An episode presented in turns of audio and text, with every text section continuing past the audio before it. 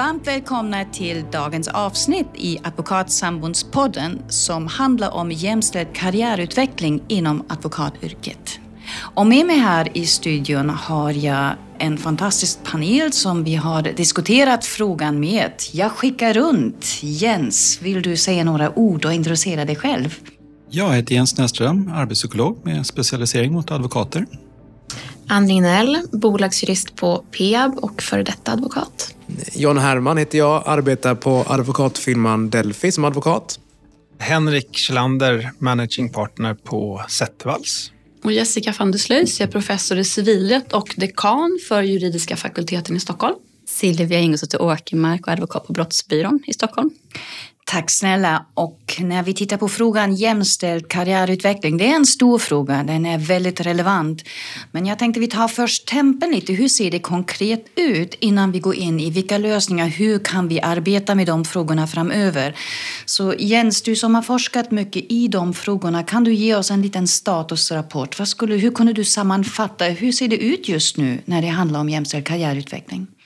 Ja, vi kan ju dela upp det i tre dimensioner. Eh, vi har ju den de sexuella trakasserierna eh, som inte alls har minskat så som vi hade hoppats efter metoo, tyvärr. Eh, sen har vi när det gäller liksom välbefinnande, utmattning, stressnivåer. Eh, det verkar till och med gå åt fel håll om man jämför med mina tidiga mätningar för 2005. Vi behöver följa utvecklingen väldigt noggrant efter pandemin och hybridarbetet, omställningen där. Och det ser ut som att det hjälper en del med jämställdheten att få ihop livspusslet och för det andra så kan det bli en ny kvinnofälla. Både att man fastnar i hushållsarbetet hemma lite grann, eh, vobbar också för den delen. Men också när det gäller karriärutveckling så, så ser vi indikationer på att det kan leda till en ny typ av omedveten hybriddiskriminering där man kanske inte får befordran på samma sätt om man sitter hemma och inte har fysisk Facetime. Och detta för båda kön eller ser du skillnad i om vi tittar på de sista två kategorierna som handlar mycket om psykisk hälsa, välmående men också karriärutveckling. Vad ser du för skillnader mellan män och kvinnor? Eh, männen har ungefär samma stressnivåer som, som för 18 eh, år sedan medan för kvinnorna så har det stuckit iväg ganska ordentligt tyvärr. Så det är en väldigt tråkig utveckling och det ser vi också i samhället i stort så det är inte bara advokatkåren som är drabbad av det. Eh, men där behöver man göra väldigt mycket mer. Och när vi pratar om hybridarbete och utmaningarna med att jobba hemifrån så är det många unga kvinnor, framförallt i, i familjefasen, som i högre grad gör det än männen. Så att där får vi statistiskt sett en, en eh, högre nivå än, än annars. Och sen är det också så att fördelningen hemma på hushållsarbetet är inte alltid jämställd heller. Mm. Inför seminariet idag så skickades ut en enkät till alla deltagare med tre viktiga frågor. Den första frågan handlade om upplever du att det finns en könsrelaterad ojämlikhet på din arbetsplats där 47,7 procent svarade med ja. Eh, fråga två. Upplever du att alla nyanställda jurister ges samma möjlighet till karriärutveckling inom din organisation? Där 25,6 procent svarade nej, vilket betyder lite mer än en fjärdedel upplever att det finns även för nyanställda en skillnad. Får alla jurister samma stöd av äldre erfarna jurister i din organisation? Där eh, 37,2 procent svarade nej, 62,8 procent svarade ja. Det finns alltså ett utvecklingsbehov. Och det här är nu bara siffror, rent sterila siffror, men eh, de vill jag nu komplettera lite med era erfarenheter. Ann, vill du börja? Nu, var det, nu jobbar du just nu inte i byråvärlden, men jag tror du har med dig en erfarenhet från byråvärlden. Och hur ser du på de siffrorna?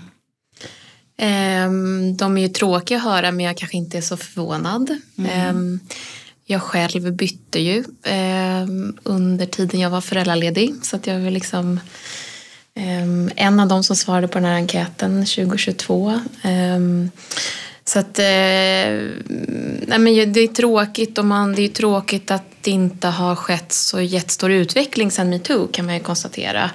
Ehm, men som sagt, jag kanske inte är jätteförvånad heller. När du säger att det har inte hänt så mycket sedan metoo som vi trodde, vad tror du det beror på? För det var ju en stor rörelse där, mm. inte det minsta inom advokatsektorn. Ehm, det kanske inte är att eh, man eh, vill tillräckligt mycket förändras. Det är jobbigt med förändring och för att nå jämställdhetsmål så tror jag det krävs i advokatvärlden ganska stora förändringar i organisation och ledarskap och så vidare. Och det är jättejobbigt tror jag. Eh, och man kanske inte riktigt vill det tillräckligt mycket. Mm, tack. John, håller du med? Eller vad är dina tankar där? Eh, men jag tror att det är ju ett väldigt, väldigt långsiktigt arbete som kräver en otrolig uthållighet. Eh, och jag vet inte heller om jag är helt förvånad över siffrorna, men en förhoppning är väl kanske att arbete pågår så vi kommer få se bättre siffror. Men, men så som status är nu enligt eh, den undersökningen vi fått del av så, så är det beklagligt för, för tillfället. Helt enkelt. Ja. Och han nämnde det att än så länge är det svårt att kanske prioritera jämställdhetsfrågor inför eh, lönsamhetsfrågor eller pengaintäktsfrågor. Ehm, vad tror du skulle behövas för att lyfta jämställdhetsfrågan som är en del av de SDGs? Det är ju faktiskt uttalat. Vad skulle behövas? Nej, men jag tror, som alla prioriterade frågor i en verksamhet så måste det ju vara på eh, ägas av ledningen och sen så droppar det neråt i verksamheten. Tvärtom tror jag är, är, är omöjligt. Eh, och eh, ledningen tillsammans med övriga delägarkollektivet eh, behöver driva frågorna, givetvis tillsammans med biträdande jurister eh, eh, och, och, och, andra på byrån. Men att, eh, att man poängterar att det är viktigt, det behöver ske från ledningsnivå, tror jag. Henrik, dina erfarenheter? Ja, om jag börjar med den här eh, undersökningen då. Det som jag studsade på, jag instämmer verkligen med att det är väldigt tråkiga siffror, men det som jag studsade på det var att det fanns ett tydligt förtroendeglapp där. Eh, många eh, tyckte att det, det, det, kommer inte leda till någon förändring om jag rapporterar om det är kränkande särbehandling eller sexuella trakasserier. Och det där är ju väldigt bekymmersamt, för det ger ju upphov till en eh, tystnadskultur. Um, Sen om man ska se någonting positivt ändå så, eh, så tyckte i alla fall hälften att om man faktiskt vidtar åtgärder så leder det till en förbättring. Eh, så jag tror att det, det, det är den kombinationen, att man måste jobba med det på riktigt. Och jag instämmer här eh, vad som har sagts, att det måste ske från toppen då. Det är delägarna som måste börja. Det handlar mycket om utbildning och eh, man pratar mycket om den här unconscious bias, eh, att det inte är medvetet. Och det kan man tycka att det borde väl vara självklart, men det, det finns mycket den delen. Och att man bedömer utifrån meriter och inte eh, att man hänger med rätt delägare eller någonting sånt där. Ja. Och jag tänker det som du nämner med trakasserier är ju en aspekt men även i karriärutvecklingen finns mm. ju en mm. osäkerhet. Ja men jag vet inte hur jag kan bli delägare men man tar ändå inte upp det. Inte ens de frågorna lägger man öppet på bordet alla gånger. Nej, alltså det, det olika delar som alla är väldigt viktiga. Det här med liksom, ehm, kränkande särbehandling och sex, sexuella trakasserier, där ska man ha gjort jobbet, man ska ha policy och det ska vara en tydlighet. Eh, när det gäller karriärutveckling, eh, så, som jag tror att du är inne på, där, där är det inte bra om det finns en otydlighet och det kanske slår eh, hårdast mot kvinnorna. Så just att ha en tydlig karriärplan och veta vad som gäller eh, om man då ska ha olika steg. Man först blir senior associate och delägarskap, eh, någon form av transparens så att man inte jobbar i sju, åtta år och sen så rycker de i snöret och säger att du blir inte och så i värsta fall så, så slutar man och inte längre advokat. Va? Det är ju mardrömsscenariot. Och för det krävs ju en förtroenderelation med... Ja, precis. Det var nog det jag ville komma till att i grunden handlar det om förtroende. Eh, att medarbetarna ska känna en trygghet. Ja. Tack snälla Henrik. Silvia, jag ser du nicka här och håller med. Berätta dina tankar. Men just det här med en tydlighet vad som gäller gör det enklare till exempel att planera då föräldraledighet, föräldraskap, att allt inte måste ske de fem första åren utan man kanske får möjlighet att göra det under tio år, alltså att det blir mer flexibelt. Det tror jag verkligen är viktigt för många som kommer ganska osäkra, man vill prestera men ser man inte vad som gäller. Mm.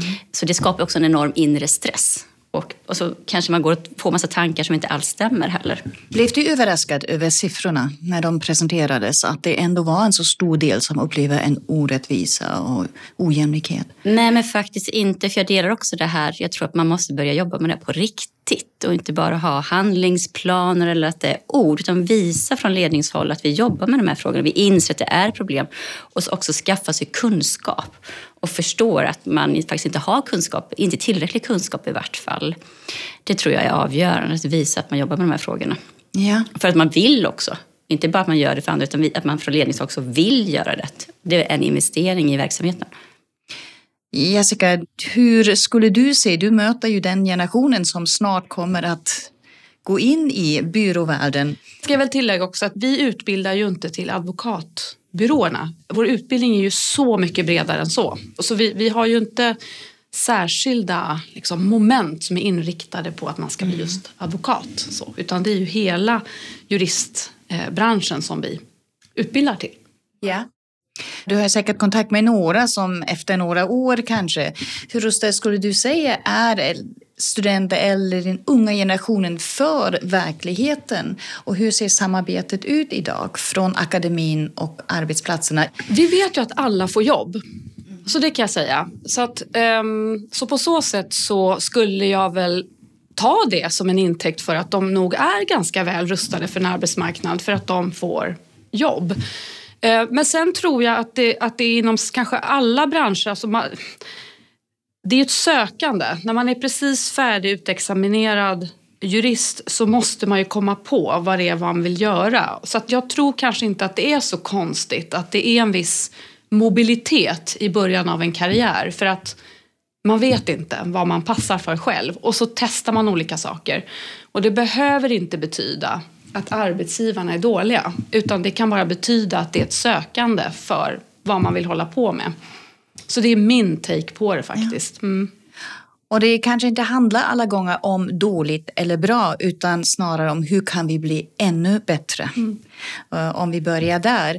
En av de nyckelfaktorerna som lyftes fram under seminariet var ett bättre, tydligare ledarskap, ett ansvarstagande för sin ledarroll eh, och med en pressat, eh, ska man säga, omsättningstryck som del, delägare kanske det lätt kan vara så att vi skjuter upp ledarskapsuppgifter.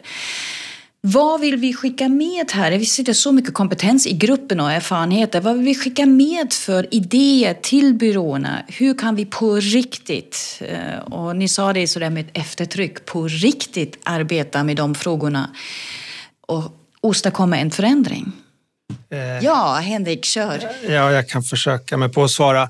Nej, men jag tror när det gäller både ledarskap och när man jobbar med inkludering i stort att man eh, försöker göra det mätbart. Eh, och hur mäter man ledarskap? Det är väl svårt? Ja, men det kan nog gå. Om man till exempel har årliga 360-utvärderingar av delägare Eh, att man lägger in då eh, inkludering och jämställdhet, man lägger in eh, utvecklingssamtal, karriärplan och eh, även hur man liksom arbetar och så. Det kan ju vara ett sätt att eh, lyfta frågan och, och, och få lite bättre resultat, tror jag. Mm. Så mätbarhet, parametrar som tas upp och inte bara en gång utan regelbundet. Vad har vi för andra idéer som vi vill skicka med till byråerna? Men att bli medvetna om de utmaningar man har som ledare och också då ta till sig det och försöka utveckla sig själv. Att möta dem på ett bra sätt och inse att också då kanske ta input från sina anställda. Vad behöver man utveckla som ledare? Ja. Och särskilt jag är på en mindre byrå. Där är vi bara tre delägare och har nio anställda. Men då blir det ännu viktigare att man har verkligen en bra grupp. För att blir det en som inte trivs då är det väldigt, kan det förstöra hela byrån. Så att vi ja, jag tror att man verkligen var ödmjuk inför att man inte har den kunskapen tillräcklig faktiskt som krävs. Utan söker utifrån. Och aldrig sluta utvecklas som ledare i det också. Nej, exakt. Var nyfiken mm. framförallt tror jag. Var nyfiken på sig själv, var nyfiken på sin ledarroll. Ja. Och själv eh, kan man ju gå på också olika utbildningar. Advokatsamfundet har ju en ledarskapsutbildning som är jättebra. Eh, så att faktiskt att ta sig den tiden, att inse att man vill vara chef så innebär det ett ansvar. Och man är också en förebild för sina anställda. Och någonting som du inledde med handlade ju om att bli medveten. Eh, för vi sa förut att eh, ingen byrå vill gå dåligt. Alla vill vara en bra framgångsbyrå i framtiden och arbetsplats som attraherar unga talanger. Men många gånger är vi inte medvetna om vad vi skickar ut för signaler. Det finns en missförståelse. Va? Jag uppfattade inte alls att det skulle landa så här hos dig. Eh, och många ledare är överraskade när siffrorna kommer. Jens, har du någon fundering över hur vi kan... Den där medvetenheten, du har ju forskat mycket kring siffrorna. Hur ser det ut där, medvetenhet hos ledarna?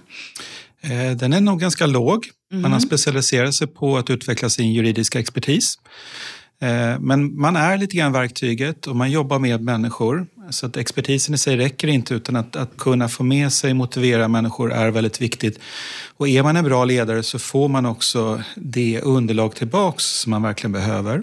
Så var och en behöver nog kanske hitta lite grann sin egen väg men någon typ av coaching, någon typ av handledning bör man göra någon gång någonstans och också fundera på vilken typ av ledare vill jag bli. Eh, alla är inte natural born leaders och då kan man få prata om det i organisationen. Att jag är nog inte född till att vara personalansvarig delägare. Jag är bättre på rainmaking eller bättre på expertisen och så får man förhålla sig till det och ha en dialog kring de bitarna. Så lite olika spår.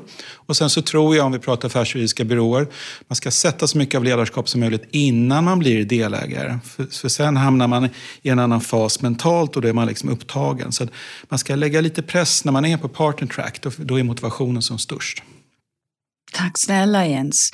Ann, har du några tankar som du vill lägga till? jag tror Jens sa det jättebra där att kanske inte alla eh, ska vara personalansvariga chefer utan vissa har eh, en bet- liksom har mer egenskaper i att dra in eh, klienter eller liksom driva stora processer och liknande och vissa har stora styrkor i att vara ledare och eh, liksom alla delägare är ju förhoppningsvis inte lika. Det vill vi ju inte att de ska vara. Och då också acceptera att man har lite olika roller i delägarkollektivet är jättebra. Och sen också att också vara lyhörda.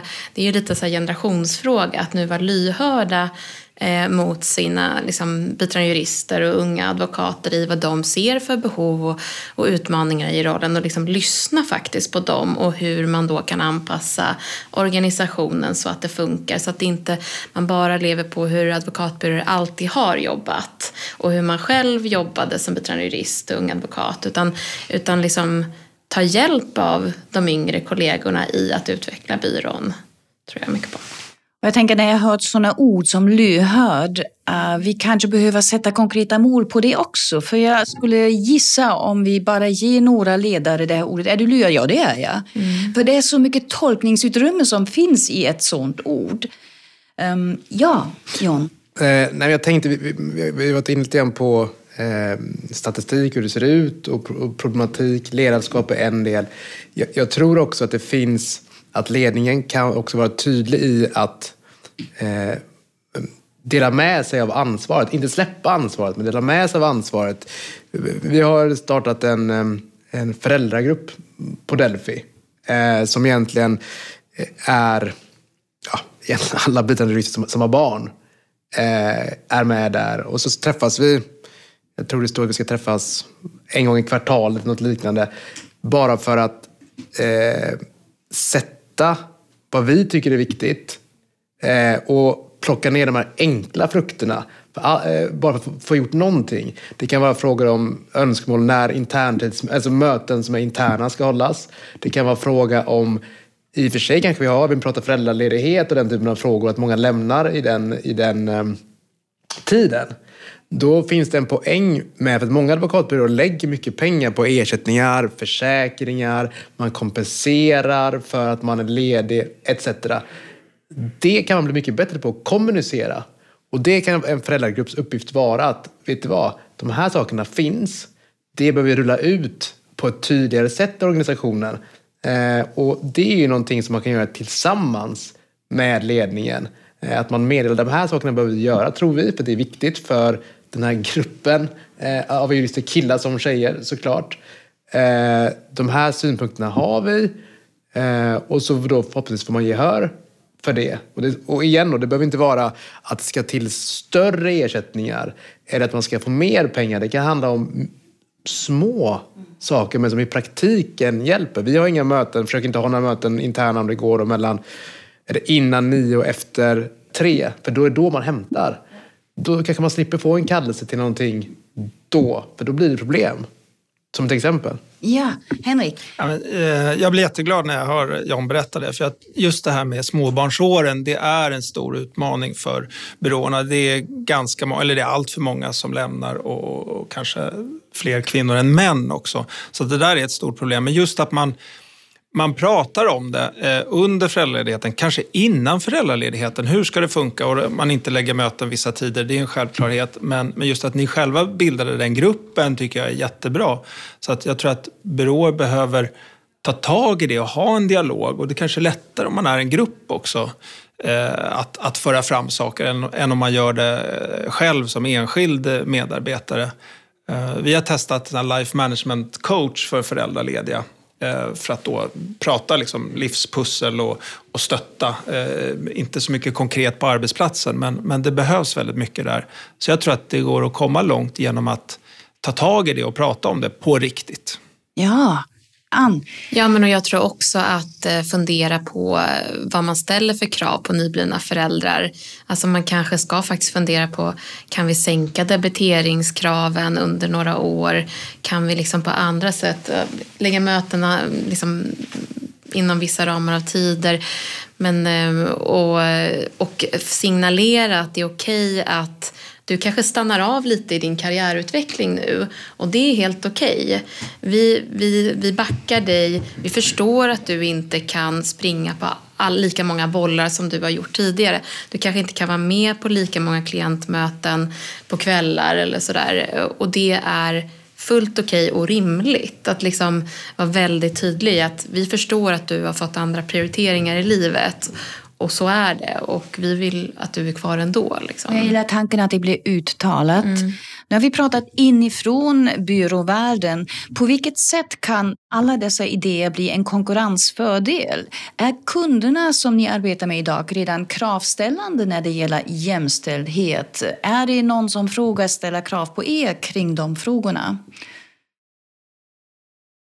Våra klienter är ju oftast sådana som har begått brott, så nej, de har inte de kraven. Men, men domstolarna borde faktiskt ha de kraven, för det är också många av dem som förordnar och de har inte de kraven. Och tvärtom så visar det sig att de förordnar också ganska ojämställt. Så där finns stort arbete att göra också. Så det är faktiskt väldigt intressant utifrån det perspektivet. Mm. Mm. De som köper in eh, eh advokattjänster nu är ju betydligt yngre. När jag tog examen runt 2009-2010 då hade man jobbat 8, 10, 12 år på en advokatbyrå. Sen blev det bolagsjurist. Så ser ju inte läget ut längre. Utan nu kan du sitta som en bolagsjurist som en tvååring i erfarenhet och ratta ett ganska stor eh, legal enhet. Och det innebär ju att eh, biträdande jurister, alltså inte bara delägare, ligger mycket närmare nu eh, de som är aktuella för att köpa tjänster. Och det innebär att de ligger mycket närmare i eh, diskussioner, upplever jag i alla fall, kring barn, hämtning, vab och att man faktiskt... Men ibland brinner det och då brinner det. För, för klienten betalar pengar eh, för det här, så det är ju en sak. Men många gånger skulle jag säga att du kan hitta en dialog med klienten. Jag försöker göra det i alla fall. Och den förståelsen är ganska skön även från eh, den köpande partens sida, för den ska också hinna med. Och den har inte mer tid än vad jag har.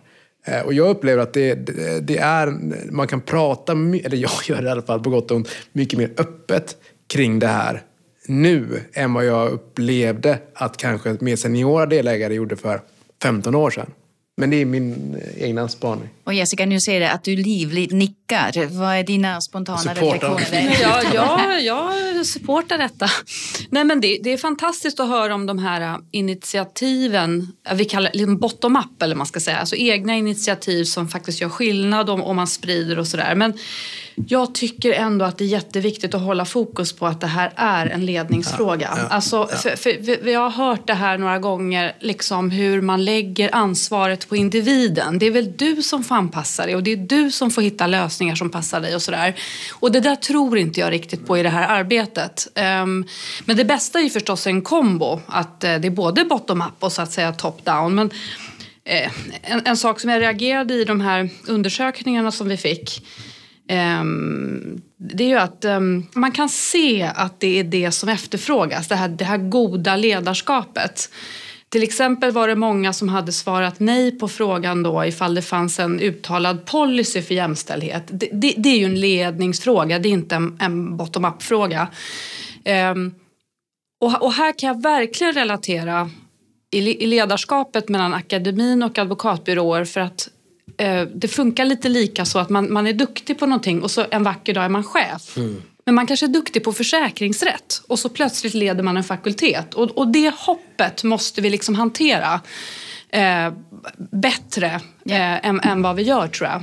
Eh. Och jag håller fullständigt med att det måste bli en ledningsfråga. Därför tänkte jag, hur kan man attrahera ledare? Jo, när kunderna börjar ställa krav, då kanske det blir en ledningsfråga lite snabbare. Vi fick också Jens några siffror om utträdesanalysen. Varför advokater lämnar byråvärlden eller um, vad är din sammanfattning där? Ja, vi vet ju vad det är som gäller och det är i väldigt hög grad work-life balance. Och sen så ser vi också en hel del som efterfrågar mer meningsfullt arbete. Och det, den, den delen när det gäller meningsfullt arbete, det kanske är en attitydförändring hos de unga, men jag tror också det har att göra med att vi har många fler eh, biträdande jurister per delägare och i det så uppstår också att arbetet blir så mer, mer utspätt och, och, mindre intressant än vad det var förr, tror jag. Det är en spekulation från, från min sida. Men, men det är work-life balance och, och det är intressant att den fortfarande ligger så väldigt högt på önskelistan hos unga när vi har fått den stora omställningen till hybridarbete. Men, men det blir allt rörigare skulle jag vilja påstå. Och vi behöver mer struktur i delegeringarna. Vi kan inte använda e-post på samma sätt tycker jag när det gäller delegeringar för det, det funkar inte riktigt. Så det, det, är en mängd sådana saker, också spelregler när det gäller tillgänglighet på kvällar och helger och sånt. Och då tänker jag skicka frågan till er. Hur medvetna är byråer idag när en medarbetare lämnar byrån att den blir ju en ambassadör i stan för er verksamhet? Hur den kommer att prata om er? Hur, hur känslig är man verkligen? Shit, den, den lämnade oss på, för att den fick inte ihop livet. Vi erbjuder inte möjligheter till work-life balance. Det är ju lätt att trampa ner ett varumärke i en stad. Så hur känsliga medvetna är byråerna om denna ambassadörsrollen? För det var ju ganska intressanta siffror som kom fram. Det beror väl på lite vilken byrå man är och vad man har för dina personliga erfarenheter, Henrik, tänker man på det? Eh, men, men jag tror att byråer generellt är, är väl medvetna om det.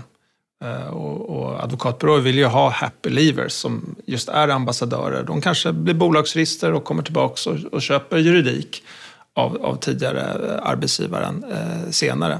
Så det, det, är, det är jätteviktigt.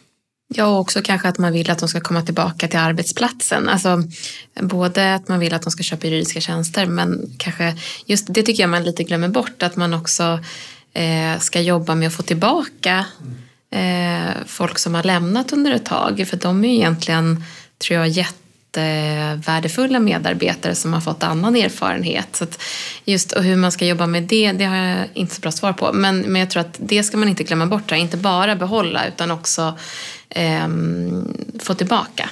Yeah. Och där är det lite diskussioner, vet jag, men den är svår. Mm.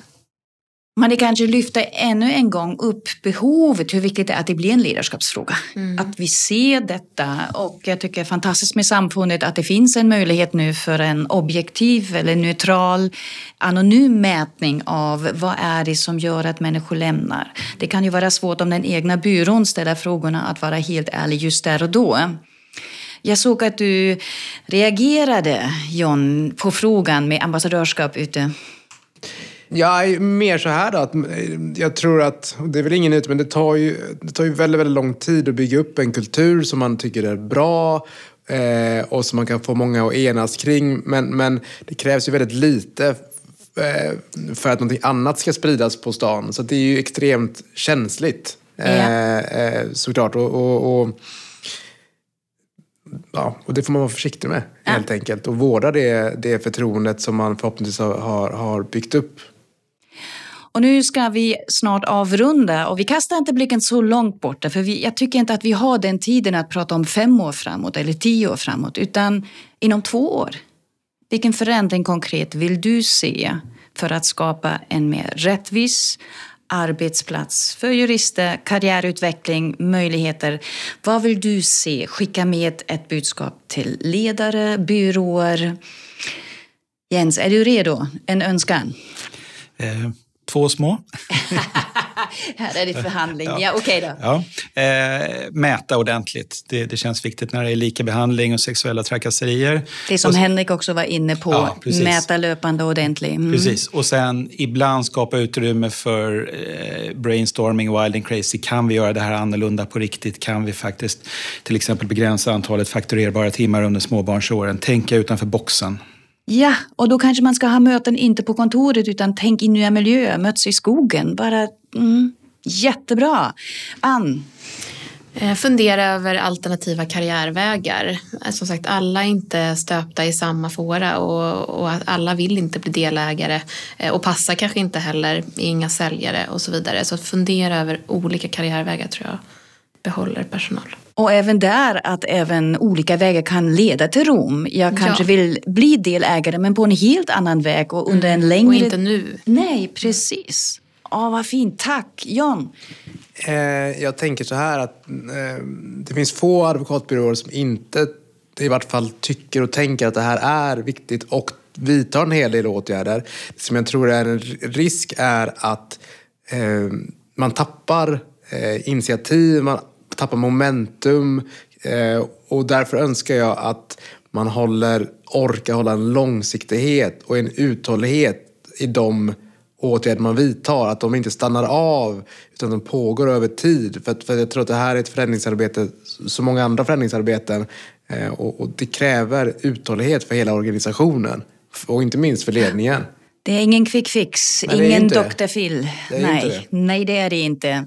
Henrik? Ja, jag var inne på samma som Ann här med eh, tydlighet och förutsebarhet. Eh, det, det tror jag är en liten del, men en, en, en, ett viktigt redskap för att få eh, duktiga advokater och medarbetare att stanna länge. Tack snälla. Jessica? Mm, jag tror att eh, vi alla är nog överens om att mångfald är bra på en arbetsplats. Um, och jag tycker vi ska inte bara tänka mångfald när vi rekryterar utan också tänka mångfald så att man kan behålla en mångfald av människor. Ja. Och Silvia, vill du avrunda? Ja, nu, jag håller med om allt som är sagt. Jag tänker också vad då samfundet också kan göra och det ja. är ju att till exempel få in igen som föreläser på advokatkursen att man redan tidigt stärker de unga advokaterna i de här frågorna och att de sen då, vad de kan göra. Men som sagt, det är en ledningsfråga men ändå lyft att samfundet ser att det här problemet existerar, eller de här problemen. Och att det finns fler ledare som vill utsätta sig för egen utveckling och gå kurser och uppdatera sin kommunikationsförmåga i ledarrollen. Jag vill skicka med att att eh, skylta med era insatser på byrån när det handlar om karriärutveckling. Berätta utåt, berätta för kunderna, berätta, prata internt med stolthet så att du gör det till en konkurrensfördel för er verksamhet. Och med detta vill jag avrunda och säga varmt, varmt tack att ni lyssnade.